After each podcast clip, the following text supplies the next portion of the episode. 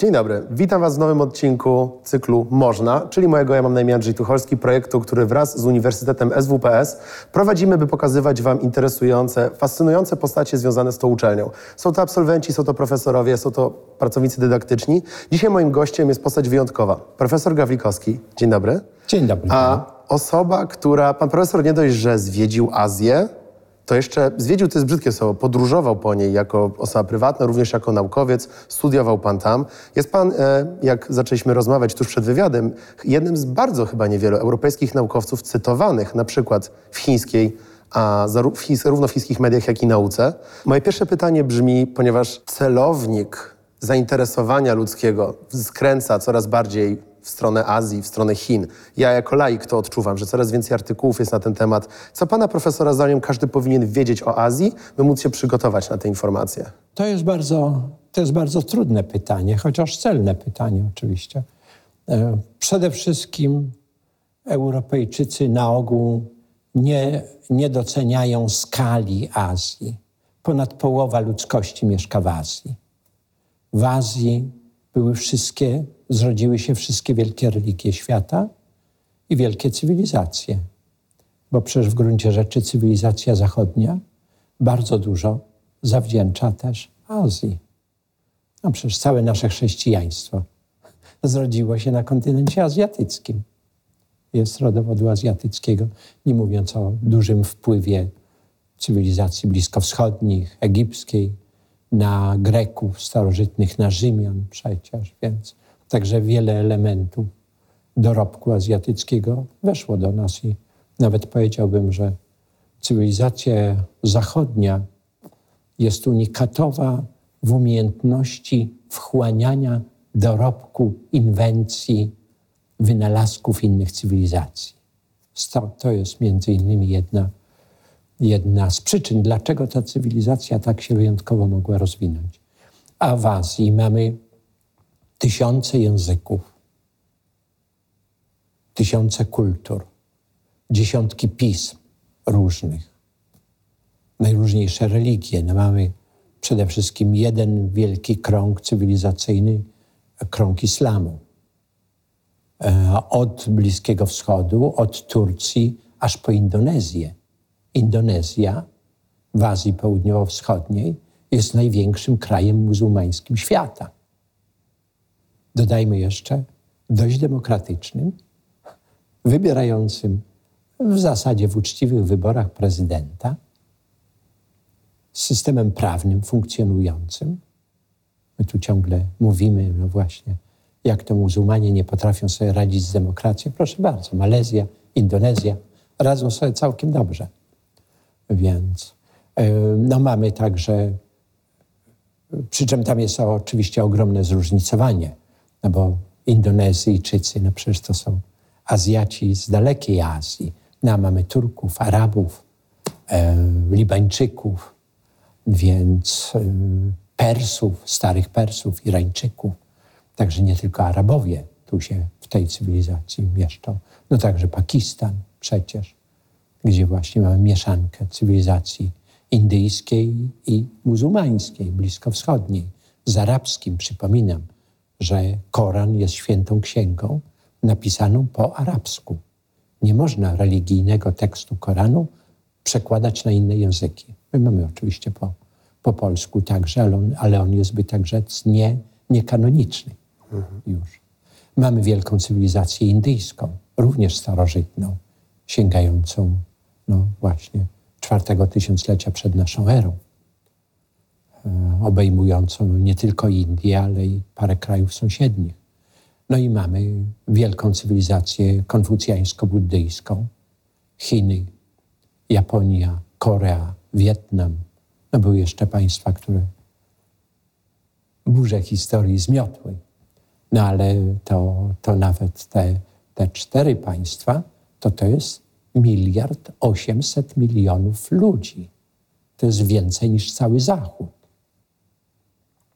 Więc, no, nie mówiąc, nie mówiąc o tym, że y, Japonia jest jednym z najwyżej rozwiniętych krajów przecież. Różne kawałki chińskie, państw chińskich też jest kilka. Mamy Singapur na końcu tego malajskiego buta. PKB na głowę 85 tysięcy dolarów. W Polsce mamy około 20.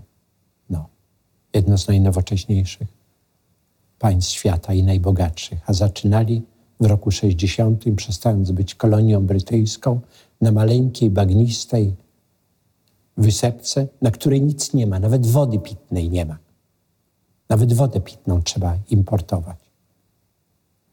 Całą zieleninę, wszystko.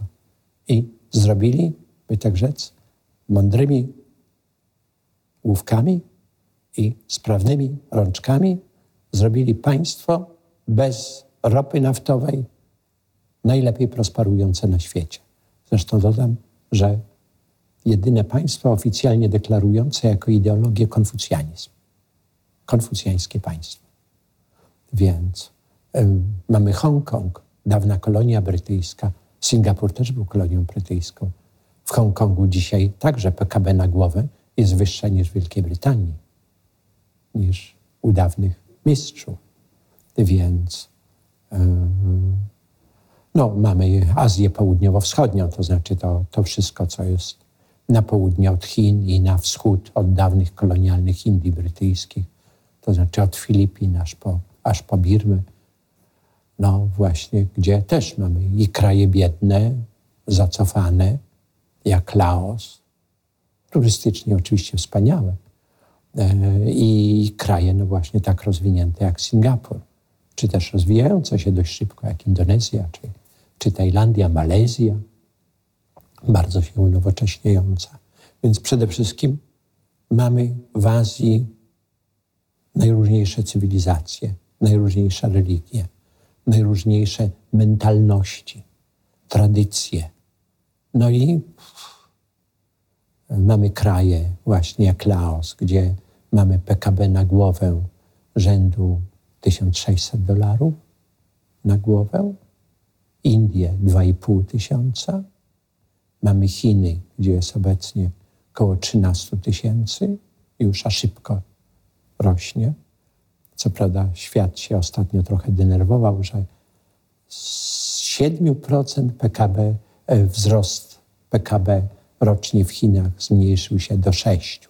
No, każdemu w Europie byśmy życzyli 6% wzrostu PKB rocznie. Więc. Także spowolnienie chińskie jest, przekracza nasze marzenia. Więc y, zresztą, kiedy ja przyjeżdżałem na studia do Chin w 1964 roku, Pekin był jedną wielką wsią. Cały parterowy. Wszystkie budynki wysokie w centrum mógłbym wyliczać na palcach. Jakie były. Pekin był jeszcze otoczony starymi murami. Miał trochę ponad milion mieszkańców. Dzisiaj Pekin ma 20 z haczykiem milionów mieszkańców. Niewiele różni się od Tokio. Ja żałuję, że z dyskusji, które były, nie wzniesiono nowego Pekinu obok starego, żeby ten stary się zachował. Niestety z tego starego zostały nędzne ułamki między tymi wieżowcami, między super nowoczesnym miastem. Dodam, że ja już straciłem rachubę obwodnic które są w Pekinie. Bo po prostu co, co dwa, trzy lata jest oddawana kolejna obwodnica.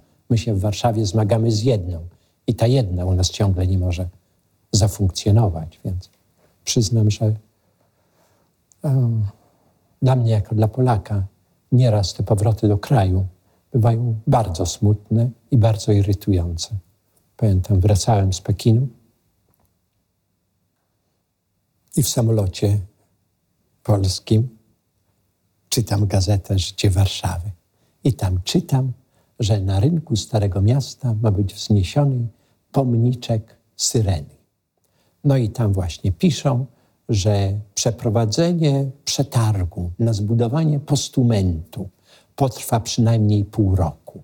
Później zbudowanie tego postumentu, postumentu pod gotowy pomnik, że będzie trwało przynajmniej 8 miesięcy. A ja w Pekinie miałem taką przygodę. No tam właśnie dzwoniłem do, do znajomych, że się mamy spotkać na uniwersytecie, że Żenmin, jednym z czołowych uniwersytetów, że będą na mnie czekać przy bramie uniwersyteckiej. Byłem tam dziewięć miesięcy wcześniej. Uniwersytet, no, na terenach powiedzmy dawnych podmiejskich, e, kampus uniwersytecki, wokół różne budki, restauracyjki. No, 10 tysięcy ludzi jest, w związku z tym wokół kwitnie jakiś handel itd. Byłem 10 miesięcy, 9 miesięcy wcześniej. Tam no, nie była wkopana żadna łopata nawet, żadne ogrodzenie nie było. Ja przyjeżdżam po 9 miesiącach i tłumaczę taksówkarzowi, gdzie on miał mnie przywieźć. On pokazuje, popatrz, tu między tymi wysokościowcami, no a tam stoi 10 mariotów, już funkcjonujących. I tam między nimi jest ta brama uniwersytecka. No. Jakim cudem w ciągu 9 miesięcy wyrosło tam całe city. Iluś mariotów funkcjonujących z bankami, hotelami, instytucjami, wszystko działające. Tak nie, przy niektórych jeszcze trwały roboty. Więc tempo tego wszystkiego, sprawność tego, dbanie o ekonomię. Porównując myślenie Chińczyków i myślenie Polaków, powiedziałbym, że Polacy w swoim myśleniu, w swoich działaniach są 10 razy bardziej komunistyczni, mają 10 razy bardziej komunistyczną mentalność niż Chińczycy. To wszystko u nas biurokratyczne. Nikt nie liczy pieniędzy. W Chinach na każdym szczeblu każdy urzędnik liczy pieniądze, liczy koszty. Jak u nas się robi yy, wiadukt, reperuje się jakiś wiadukt w Warszawie, trwa to dwa lata. Przez większą część tego czasu nie widać żadnego robotnika na, żadne, na tej budowie. To stoi tylko zablokowane. Przecież to kosztuje. Natychmiast Chińczyk powie, to kosztuje. Czas kosztuje, bo się pieniądze zamraża no to tam taki wiadukt to by był zreperowany w ciągu trzech miesięcy. I wtedy te pieniądze pracują zupełnie inaczej. Co Także... pana profesora zdaniem cechuje Chiny, że akurat one prezentują taki poziom, takie tempo rozwoju? No, z całą pewnością e, to jest wielka, stara cywilizacja i to w bardzo wielu dziedzinach widać po prostu. Ma to swoje plusy, ma to swoje minusy, rzecz jasna również. Konserwatyzm w różnych dziedzinach. No jak coś jest robione przez dwa tysiące lat, to dosyć trudno to zmienić.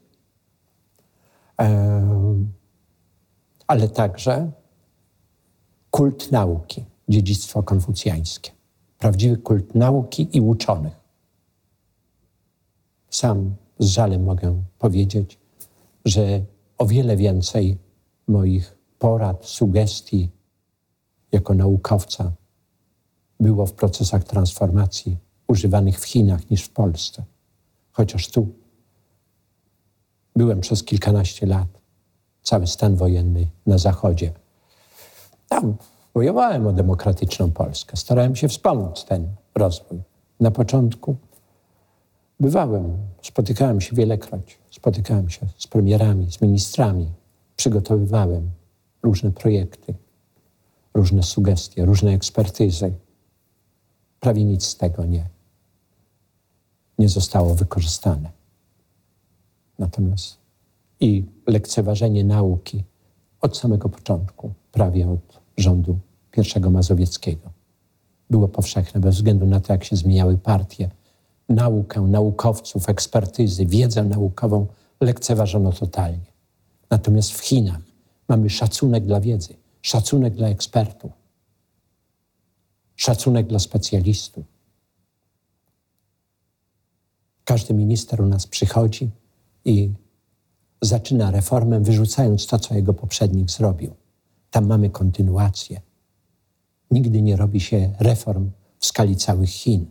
Zawsze zaczyna się każdą reformę najpierw przez dwa lata w skali powiatu, potem w skali kilku powiatów, w skali dwóch, trzech prowincji. Potem dopiero po doświadczeniach praktycznych robi się w skali kraju. O tym, żeby nagle wprowadzać, tak jak mamy teraz reformę szkolnictwa, od razu rusza w określonym miesiącu w skali całego kraju.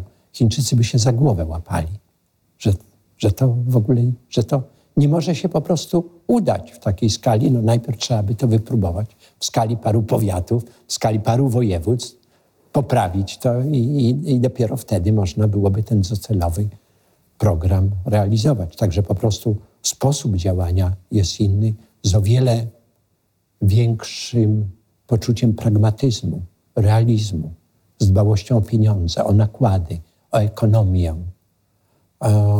co może się wydać dziwne. Ja zresztą wspomnę, że tu w SWPS-ie wydaliśmy najlepszą w Polsce książkę o reformach chińskich.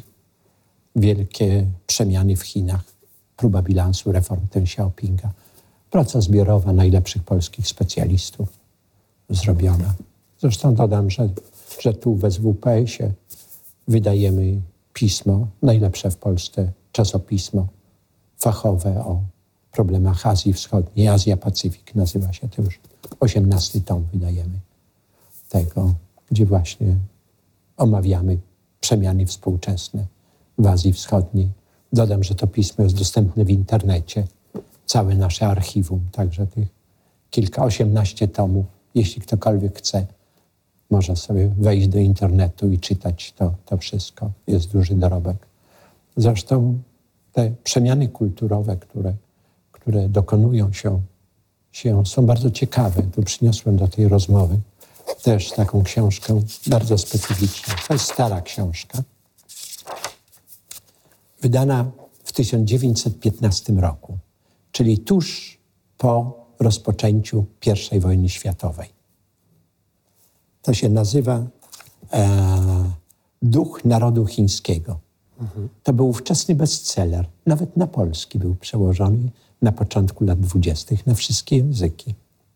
Autor tego, e, profesor Uniwersytetu Pekińskiego, wtedy najlepszy w Chinach znawca kultur i języków zachodnich. Nikt nawet nie wie dokładnie, ile języków zachodnich on znał. Na pewno kilkanaście, włącznie z greckim bo ciągle swoich znajomych i Europejczyków zaskakiwał, że właśnie mówił w jakimś kolejnym języku europejskim. I on zrobił to, napisał po angielsku, rzecz jasna, jest przekład chiński robiony przez innych. E, spróbował zrobić krytykę cywilizacji europejskiej, no, znajdującej się wówczas w straszliwej zapaści I wojny światowej przecież i tej, tych masakr, które tu się działy. I on zrobił pierwszą krytykę cywilizacji zachodniej z punktu widzenia konfucjańskiego. Nie zgadniecie Państwo, co mu się nie podobało. On uważał, że cywilizacja zachodnia może się uratować tylko wtedy, e, jeśli przyjmie konfucjanizm i uzupełni dorobek zachodni o myśl konfucjańską. Krytykował przede wszystkim Europa jest zbyt skoncentrowana na wojnie, wojowaniu, żołnierzach. Cały wasz system jest oparty na przemocy i utrzymywaniu ludzi pod przemocą. Stąd potrzebujecie te tysiące policjantów, te dziesiątki tysięcy żołnierzy, to wszystko. To są wszystko darmozjady, które niczemu nie służą, nie produkują żadnego dorobku. Drugi, druga grupa darmozjadów, jakich widział, to był kler, kler chrześcijański. Tylko ludziom mącą w głowie, niczego produkcyjnego nie robią.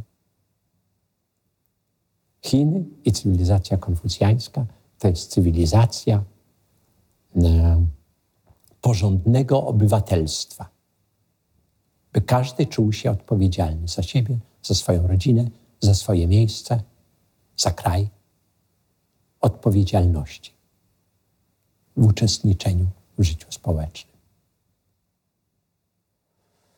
No oczywiście różne elementy z tych jego analiz mogą się nam wydawać śmieszne. E, możemy dyskutować oczywiście z punktu widzenia chrześcijańskiego. Takie potraktowanie kleru no, może, budzić, może budzić duże opory, rzecz jasna. Ale ja pokazuję to, jak zaskakujące mogą być reakcje Azjatów na różne elementy naszej cywilizacji, I to przekonanie, że Azjata przyjeżdża do Europy czy do Stanów Zjednoczonych i wpada w zachwyt, jak to wszystko jest wspaniale i jak powinni się tylko uczyć cywilizacji zachodniej, że to jest zachodni mit. Przypomnę, że przecież ci Arabowie, którzy dwoma samolotami uderzyli w te wieże w Nowym Jorku. Akurat tak się składa, że niedługo przed tym ja byłem na tych wieżach, więc tym większe, tym większe było moje wrażenie. To przecież byli ludzie z zamożnych rodzin, wykształceni, w większości inżynierowie. To nie byli ciemni wieśniacy ze wsi afgańskiej. To byli oświeceni, wykształceni, dostatni Arabowie, którzy chcieliby, tak rzec, w ten spektakularny sposób protestować przeciwko inwazji cywilizacji Zachodu na świat i na świat muzułmański. Przypomnę, że Huntington w swojej książce, sławnej książce o zderzeniu cywilizacji, wszyscy o tej książce mówią, ale niewielu ją czytało, a jeszcze mniej ludzi ją zrozumiało. A Huntington wyraźnie tam ostrzegał przed narzucaniem Azjatom cywilizacji zachodniej. Huntington przede wszystkim stawiał tezę, iż my w cywilizacji zachodniej powinniśmy pogłębiać nasze korzenie. Mhm. Powinniśmy rozwijać naszą cywilizację w głąb. Tu zresztą bardzo ciekawe, że w tym aspekcie e, Jan Paweł II tłumaczył też prawie to samo, innymi słowami, ale mówił też to samo. Natomiast Huntington przestrzegał przed narzucaniem cywilizacji amerykańskiej innym cywilizacjom. Za najniebezpieczniejsze uważał narzucanie tej cywilizacji krajom muzułmańskim i dwa krajom konfucjańskim. To wskazywał wyraźnie, bo właśnie w wyniku tego narzucania może dojść do wojny kulturowej, przed którą ostrzegał. On nie ostrzegał, że oto Azjaci zaczną konfrontację z Zachodem. Nie, to tylko jego zdaniem będzie odpowiedź Azjatów na owo narzucanie. Tu my lamentujemy na temat y, przybyszów, uchodźców z Bliskiego Wschodu. Tragedia Bliskiego Wschodu zaczęła się od kolonizacji, od cięcia tych krajów według linijki. Proszę popatrzeć na granice, jak te granice wyglądają tam przecież. To nie są granice historyczne, liczące się z warunkami etnicznymi, geograficznymi. Są rysowane tak? na mapie. No.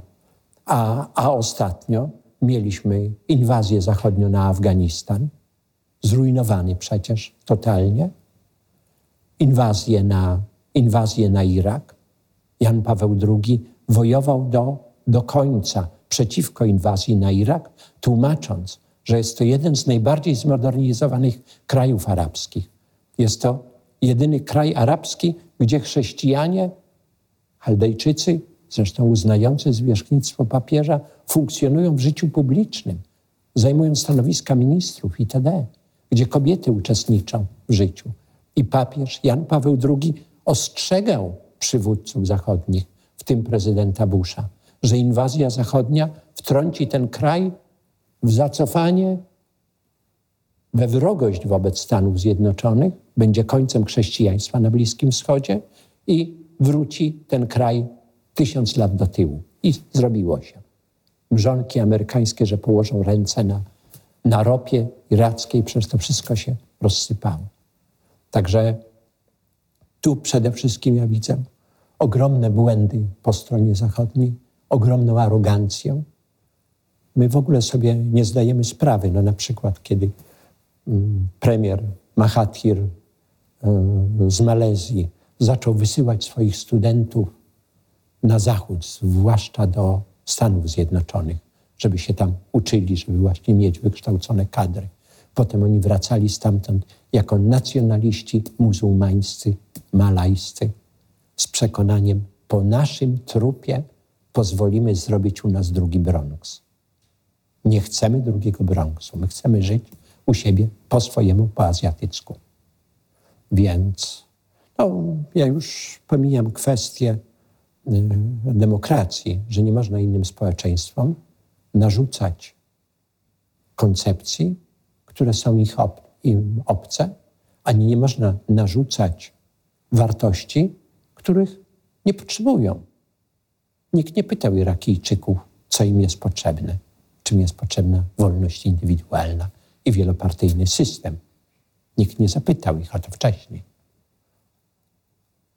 W ostatnim swoim przemówieniu prezydent Obama mówił, i to nasza prasa też cytowała, że najważniejszym elementem systemu demokratycznego, najważniejszą instytucją jest obywatel. No, no to jeśli chcemy gdzieś nieść do jakiegoś kraju naszą zachodnią demokrację, opartą na chrześcijaństwie, bez tych chrześcijańskich korzeni, bez chrześcijańskiej koncepcji człowieka, ona jest trudna do zrozumienia, trudna do praktykowania. To zapytajmy najpierw, czy są tam obywatele, demokratyczni obywatele, jako podstawowa instytucja systemu demokratycznego. No, jeśli ich nie ma, to próby budowy demokracji typu amerykańskiego w Afganistanie, to to przecież jest dom wariatów. Obłęd zupełny. I różni specjaliści amerykańscy oczywiście doskonale o tym wiedzieli. Także gdyby ktokolwiek ich pytał, gdyby to konsultowano. No ale właśnie, jednym z błędów Zachodu jest nieliczenie się ze specjalistami, niesłuchanie ich, ignorowanie tego. No, niestety w tej dziedzinie my w Polsce grzeszymy jeszcze dużo bardziej niż w innych krajach Zachodu, zwłaszcza w Europie, gdzie jednak w Niemczech, w Szwajcarii, w Anglii, we Francji, przed jakimiś reformami, przed decyzjami rządu muszą być ekspertyzy. Bez tych ekspertyz nie podejmuje się decyzji. U nas niestety ekspertyzy bardzo często są zamawiane przez instytucje rządowe po podjęciu decyzji. I ekspertyza ma tylko, jest pseudoekspertyzą, bo ma tylko potwierdzać słuszność decyzji już podjętych, a nie służyć wypracowaniu decyzji, które służą. Także z całą pewnością dla Europejczyków jest bardzo ciekawe poznawanie innych kultur, ale także poznawanie dorobku, poznawanie innych punktów widzenia, poznawanie innych opinii. Możemy oczywiście nie zgadzać się z różnymi zdaniami, ale musimy brać je pod uwagę. Musimy uwzględnić, że inni ludzie mają swoje opinie, swoje doświadczenia, swoje pragnienia. Na zakończenie jeszcze opowiem taką historyjkę. Jako młody student na uniwersytecie e, miałem delegację studentów Związku Studentów Indyjskich z New Delhi. No i tam proszono mnie, żebym zawiózł ich. Mówiłem po angielsku. No oczywiście nie tak dobrze, ale wtedy tych osób mówiących po angielsku nie było tak wiele, żebym zawiózł ich do Oświęcimia, sławny Oświęcim żeby pokazać. Pokazywałem im ten Oświęcim. Wracam potem z tymi Hindusami i w pociągu, w drodze powrotnej do Warszawy oni mi mówią mniej więcej tak. Jaki ten Hitler był głupi. Po co ten Hitler przyszedł tu do was? Wy na nim tak, tak na niego narzekacie to wszystko. Gdyby on przyszedł do nas, do Indii i nam zafundował tak wspaniałą instytucję jak Auschwitz, to byśmy mu wszędzie pomniki stawiali. Jakie wspaniałe budynki, jakie luksusowe. Po ponad tysiąc kalorii dziennie przewidziane, wyliczone. No trzeba ciężko pracować, tak, no ale u nas ilu ludzi się zabija, żeby w ogóle mieć jakąś pracę. Ilu ludzi nie wie, czy, czy jutro będą mogli mieli do zjedzenia 200 kalorii, a tu 1200, 1500 kalorii. Wspaniale. No oczywiście oni nie liczyli, że klimat u nas jest inny. A najbardziej im się podobało i najbardziej podziwiali, że jeszcze bezpłatnie ofiarowano im krematorium. mieli krematorium bezpłatnie. I rodzina otrzymywała te prochy w puszce. No trochę może wymieszane, nie całkiem to zadbane było wszystko, bo z tego pieca, który tam widać, to tam to trudno było tak indywidualnie, no ale wszystko, no. A kremacja zwłok bardzo kosztuje, jest dla rodziny dużym obciążeniem. No. Przyznam, że wtedy, jak zacząłem słuchać tych opowieści indyjskich i wrażeń na temat Auschwitz, to było dla mnie mocne doświadczenie. Jak na różne sprawy można patrzeć z różnych punktów widzenia, jak mogą być różne wrażliwości, różne odbiory. To wszystko wiąże się z historią, z dziejami, z przeszłością, z doświadczeniami, które się kumulują, no i z doświadczeniami życia codziennego, współczesnego, z tym, co się dzieje, jak dane społeczeństwo organizuje swoje życie. Także ja bym mógł zakończyć tę naszą rozmowę mm, apelem, rodacy, uczmy się od Azjatów. Oczywiście od tych Azjatów, od których należy się uczyć. Tu należy wybierać rzeczy, rzeczy cenne, nie od, nie od e, leniuchów, nie od ludzi, którzy, e, którzy marnują swoje życie, żyją w biedzie, w zacofaniu, nie potrafią się z tego wydobyć, ale przecież mamy tam właśnie też kraje, które rozwinęły się w sposób błyskawiczny, w tempie niesłychanym, zadziwiającym, bardzo efektywnym. Uczyć się? Uczmy się od Azjatów. Bardzo dziękuję za rozmowę.